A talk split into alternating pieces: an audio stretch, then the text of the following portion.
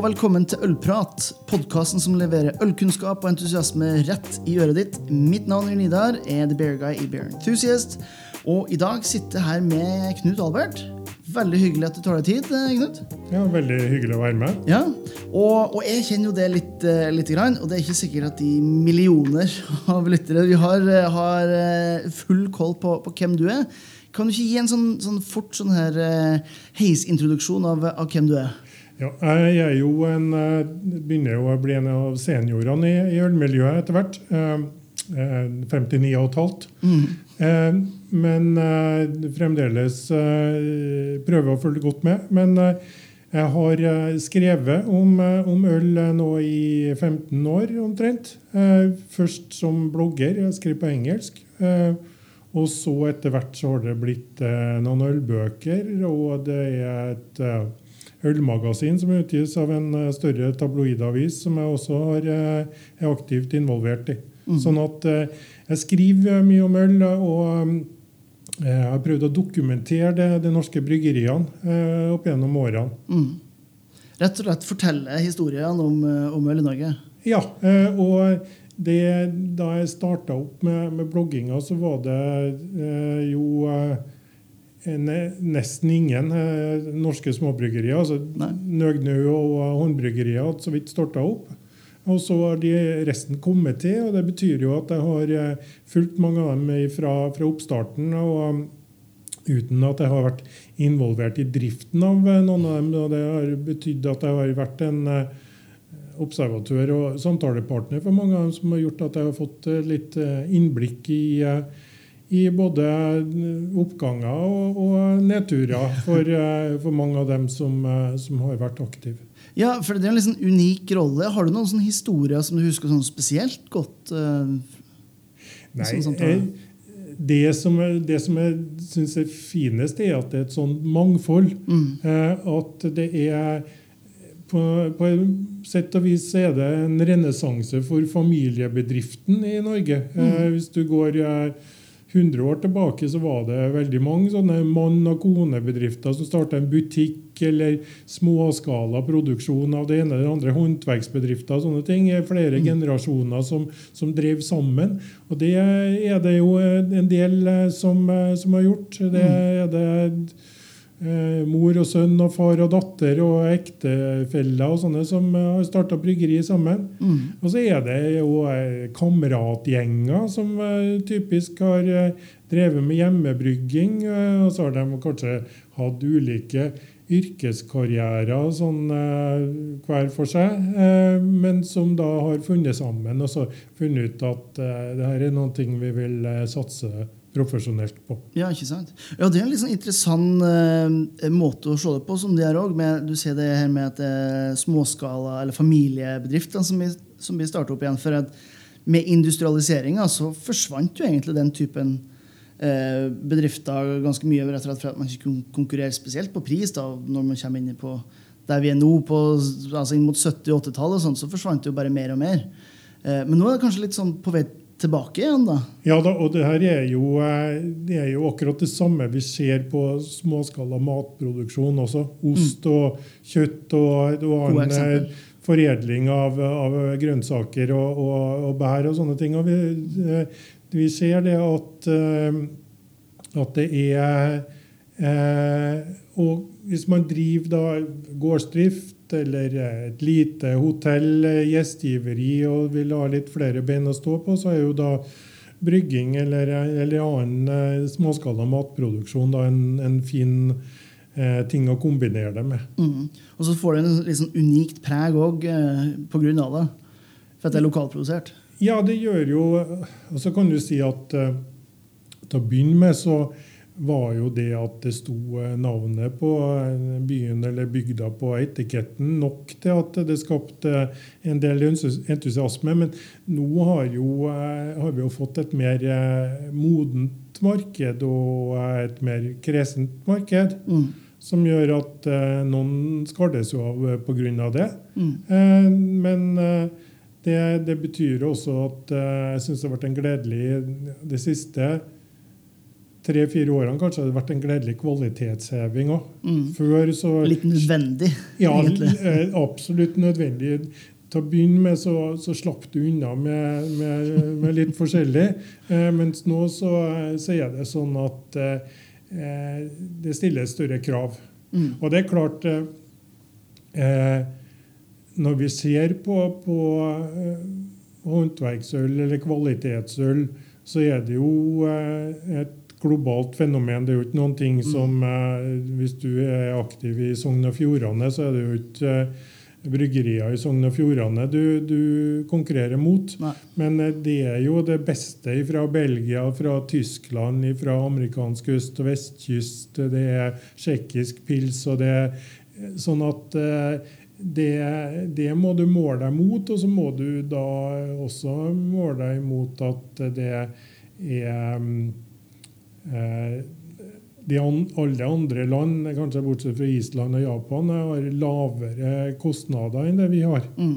Og det, det gjør jo at eh, skal du ta ut lønn og, og, og ta ut de økte kostnadene eh, vi har i Norge, så, så skal du være flink med det du gjør. Mm. Eh, hvis du skal måle deg opp imot eh, det som tross alt er la, langt lavere kostnader i land som Belgia eller Tsjekkia. Mm.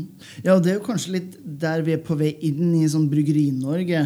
Eh, der man går fra at entusiasmen i hermetang er nok til å holde eh, skuta flytende, til at man må òg ha et ganske sånn skarpt business-sinn i det også, uten at man blir helt sånn investor eh, eh, av den grunn. Ja, eh, det er jo noen eksempler på at det har vært for så vidt store investorer i noen av de småbryggeriene, og uten at det har, eh, har i grunnen gitt så, så, så store resultater. Det har, det har vært jobba, mye med flaskedesign og sånt, eh, men, eh, men ikke så mye med, med innholdet og ikke så mye person der.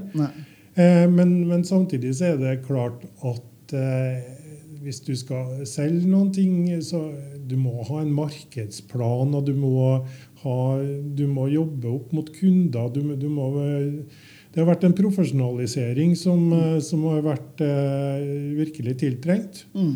Eh, og så tror jeg jo det at eh, det at noen ting lokalt eller regionalt, eh, fremdeles eh, vil ha en betydning. Mm.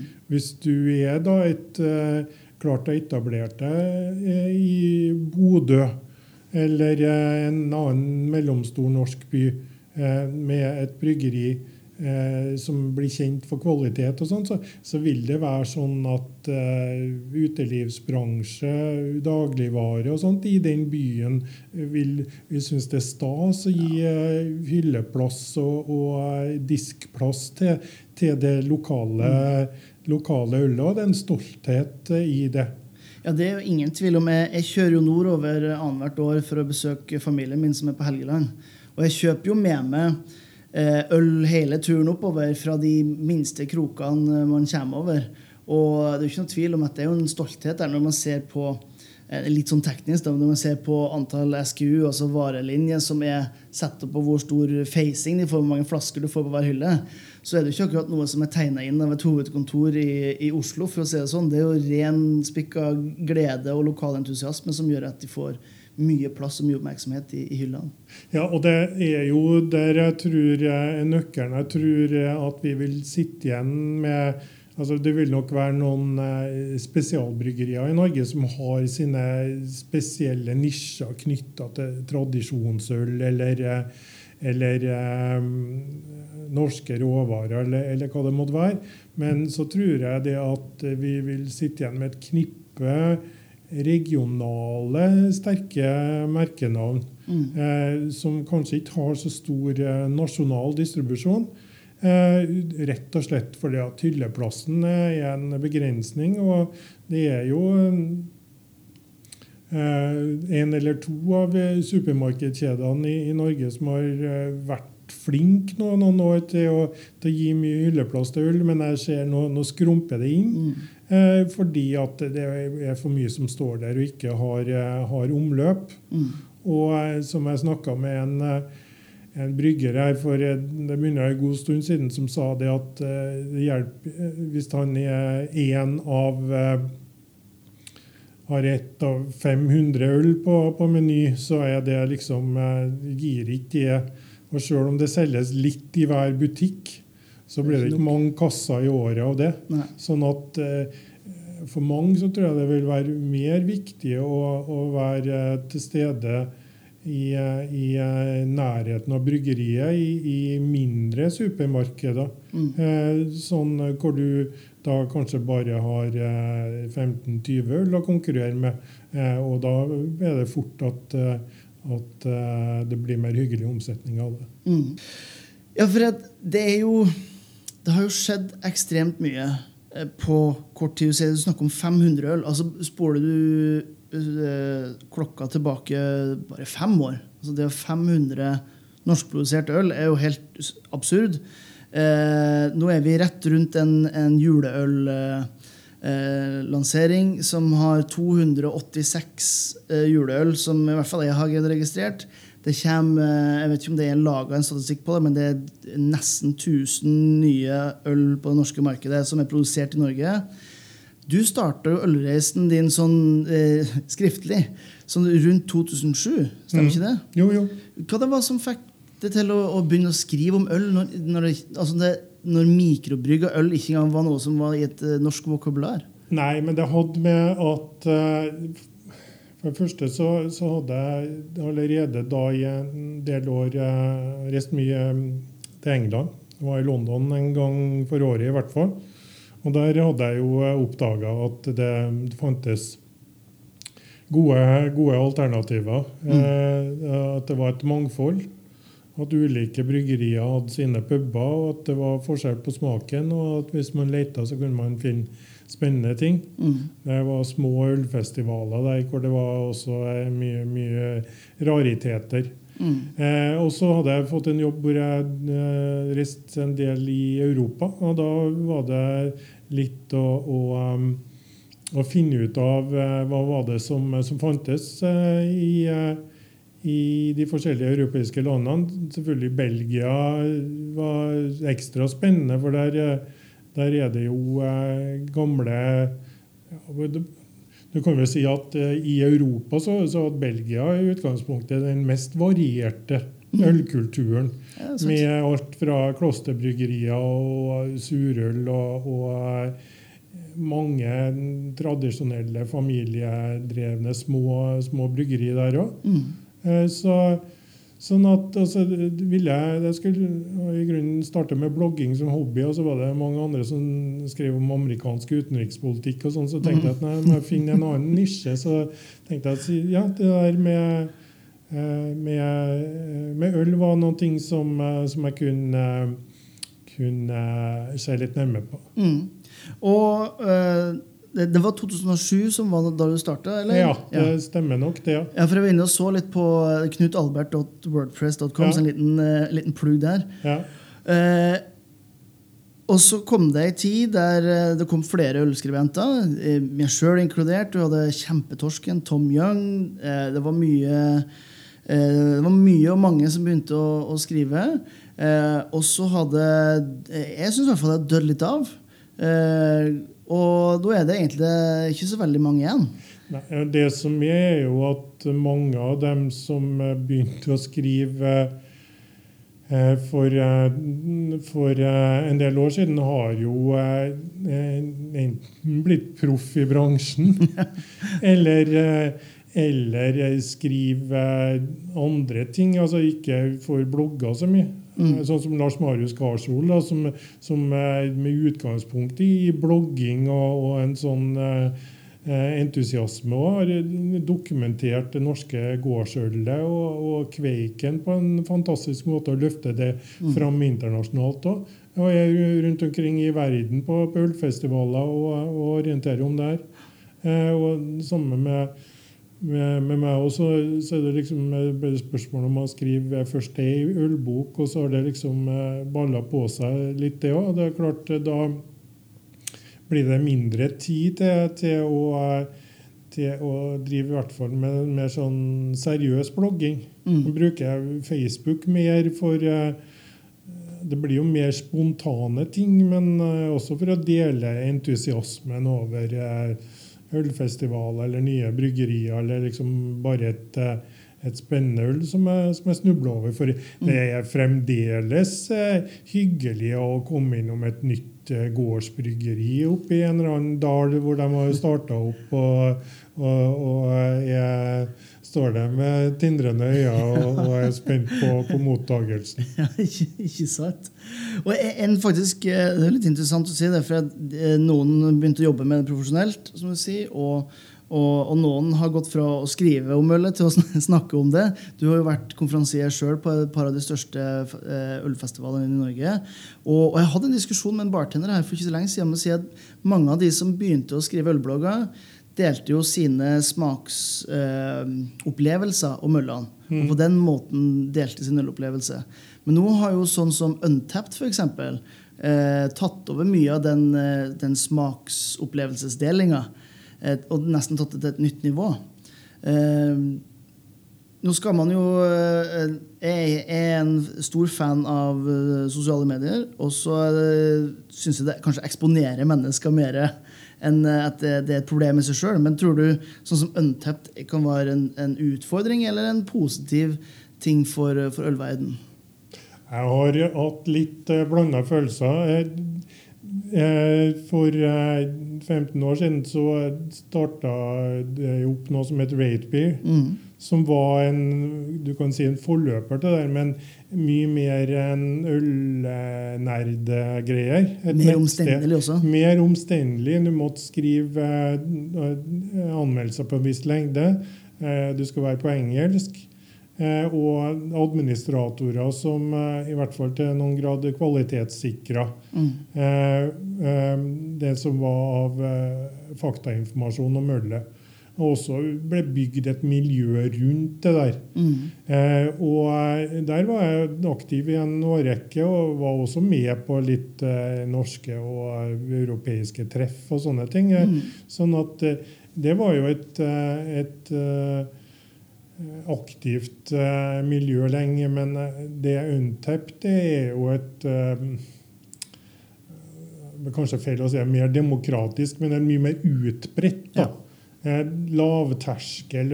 Mange syns at det, det er artig å bruke det en app hvor du bare eh, Ja, det er noen tastetrykk, så, så bygger du opp eh, den eh, databasen over hva du har smakt, og du kjenner igjen eh, bryggeriene. Du har, du har oversikt i lomma på en annen måte over hva det du har smakt på, og hva du, hva du eh, leter videre etter. Mm.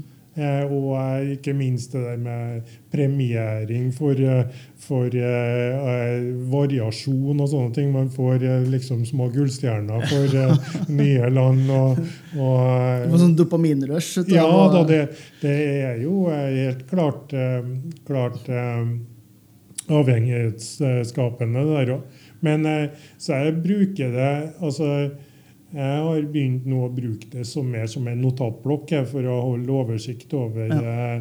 øl som jeg har, jeg har vært borti, og hvor jeg skriver noen, noen korte notater som jeg da kan bruke igjen i, i eh, annen skriving og sånn siden. Så jeg har funnet ut at det fungerer godt i forhold til å gå Jeg har eh, tenkt at eh, jeg skulle ha bygd meg opp en database eller noe sånt på øl jeg har smakt, men eh, Untapped eh, ser jeg nå kan, kan fylle den funksjonen. Ja, ja, det er jo egentlig en ganske god, eh, god måte å bruke det på, tenker jeg, som fagperson. da. Men eh, samtidig så ser jeg jo det at det er jo eh, masse unøyaktigheter og det er mye tøys og sånn som er der, så man må jo ha litt sånn bullshit-filter når man bruker det. Hvis ikke så er Går det det gærent? Ja. ja, Det er jo som i alle sosiale medier. Ja. Det er greit å ha litt sånn her eh, bullshit-filter på. Ja da, det er jo det. Og så er det jo klart en utfordring i, i Norge med, med at det er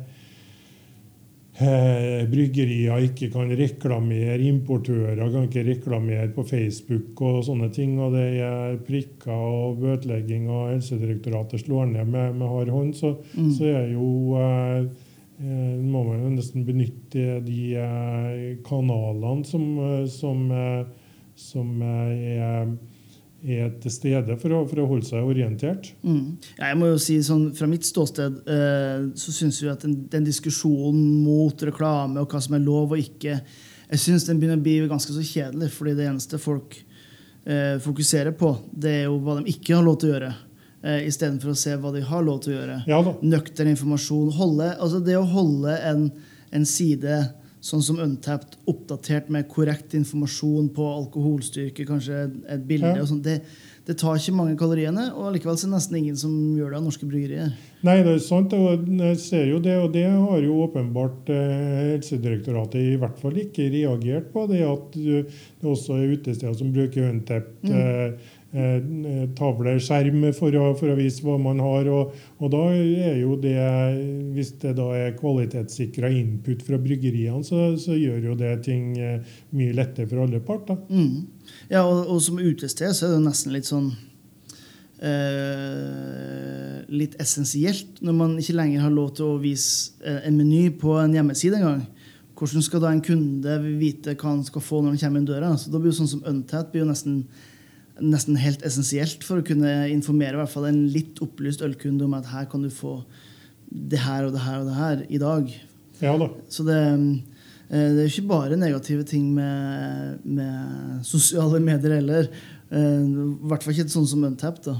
Nei, nei, det er jo helt klart det. Og ullfestivaler hvor eh, det er hundrevis eh, på hundrevis av ull og sånt. Så, så, hvis man skal kunne orientere seg, så er det jo helt klart at det er et, eh, et, eh, fint verktøy sånn. Mm.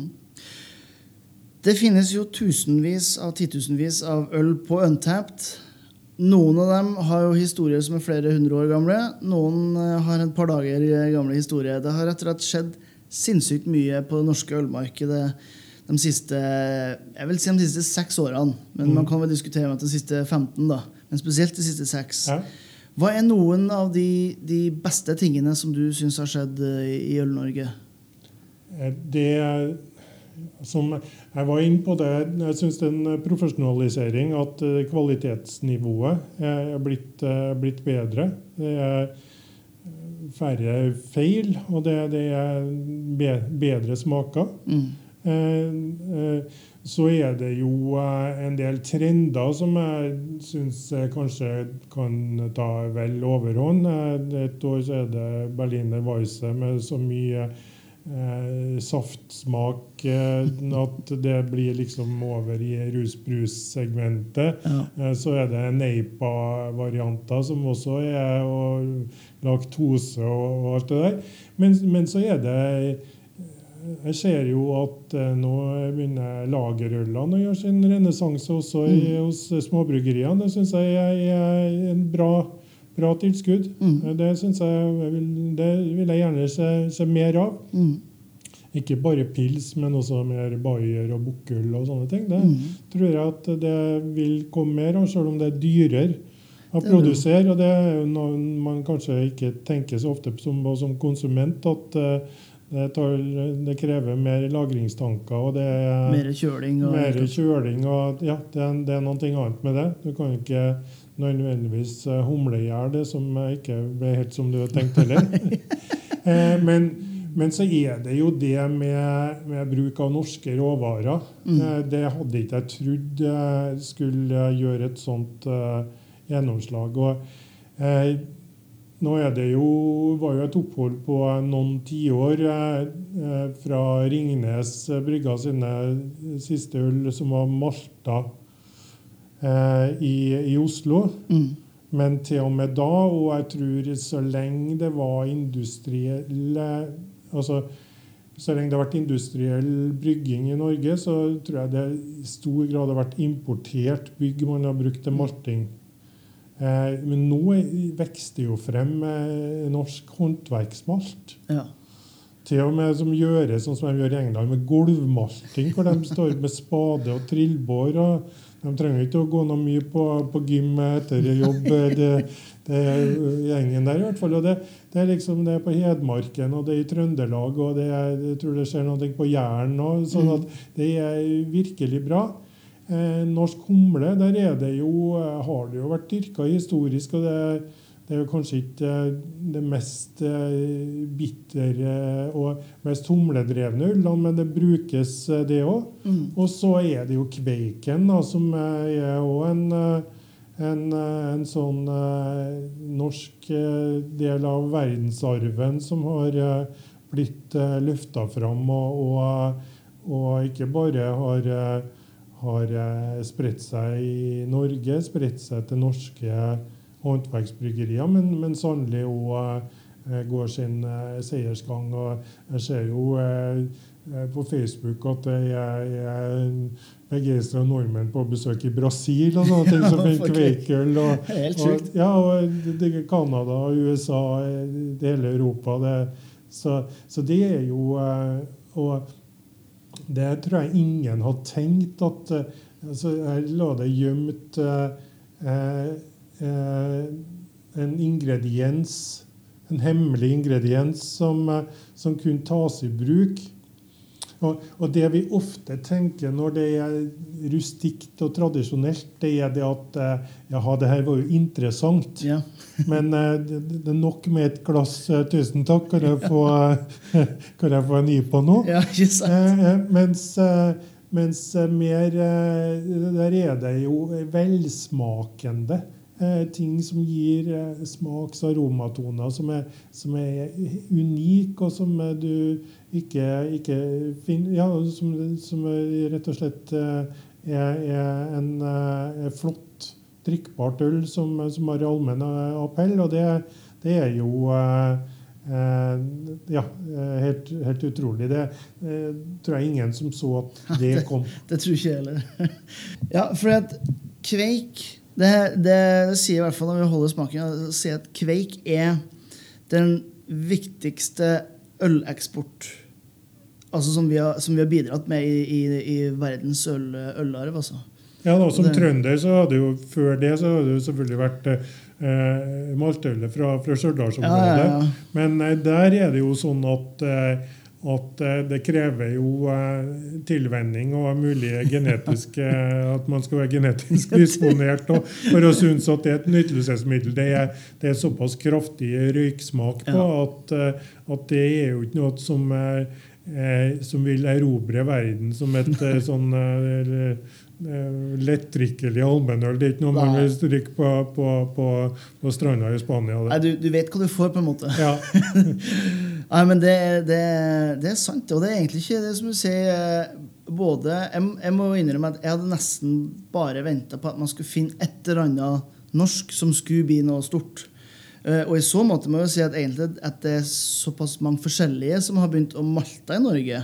Det må jeg jo si er, er både gledelig og jeg synes også litt overraskende. Jeg, jo, jeg skal gi en liten sånn shout-out til Norsk Malt som er veldig aktiv, kanskje spesielt på, um, på, Instagram. Og det er litt gøy å se på en Eller gøy, gøy for meg som observatør da, på en fredagskveld sånn rett i elvedraget. Så legges det ut en video han er ute og vender Malte i, på gulvet. der sånn.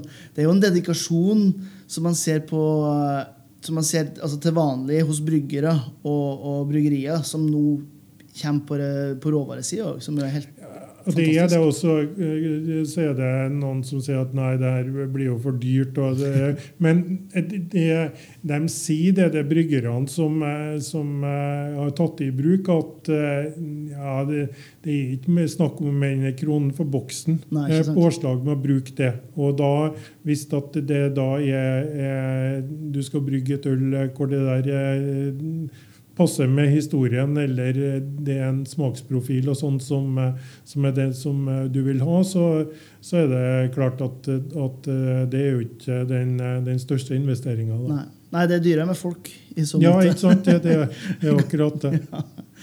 eh, vi skal begynne å, å runde av litt nå. Eh, jeg setter veldig, veldig stor pris på at du tar deg tid. sånn midt midt i arbeidstida, egentlig. Jeg får ikke si det høyt.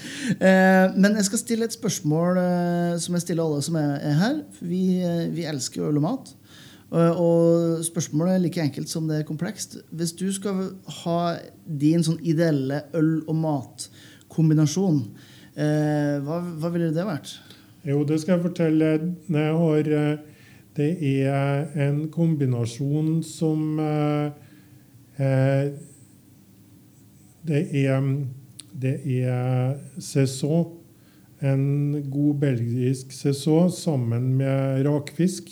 Okay. Eh, du har litt av den der eh, fermenterte gjærpreget av både det ølet og av den fisken, som, eh, som jeg syns spiller veldig godt, veldig godt sammen. Mm. Det er mm. noen ting der som som den modna fisken og, det, det, ølet som har et litt sånn eh, sting. Du, du merker på at et gjærdrevet øl som, hvor, eh, hvor gjæra ikke nødvendigvis er helt dressert. og den, det gir et sånn eh, klang i det. For den som ikke er glad i, i rakfisk, så kan man prøve klippfisk eh, mm. også sammen med, med sesong. Det, det er min, mine tips for, ja. for dagen. Da, eh, da, kan jeg prøve klippfisken, i hvert fall. Ja. den rak, rakfisken den kan du få lov til å ha, ha sjøl. Den har jeg enda ikke greid å venne meg til. i hvert fall. Grilla klippfisk med sesong skal mm. du prøve. Ja, men det, det, høres ut som en middag som jeg kan, eh, kan hoppe i. Ja. Eh, igjen, tusen takk for at du tok deg tid. Hyggelig å være med. Ja, Og dere som hører på, sjekk ut eh, Knut Albert om øl på, på Facebook. Eller knutalbert.wordpress.com. Det er vel der man finner det. Mm. Eh, og så finner dere oss og, og Ølprat eh, overalt. Eh, Instagram eller Facebook eller måtte være. Og må dere gjerne tips noen som dere syns eh, bør, bør, lære litt mer om øl. For vi eh, nå begynner å bli veldig mange gode ølfolk vi har fått med oss som forteller mye, mye bra eh, ølkunnskap, rett og slett. Og så får dere bare huske til, til neste episode at gode folk fortjener godt øl.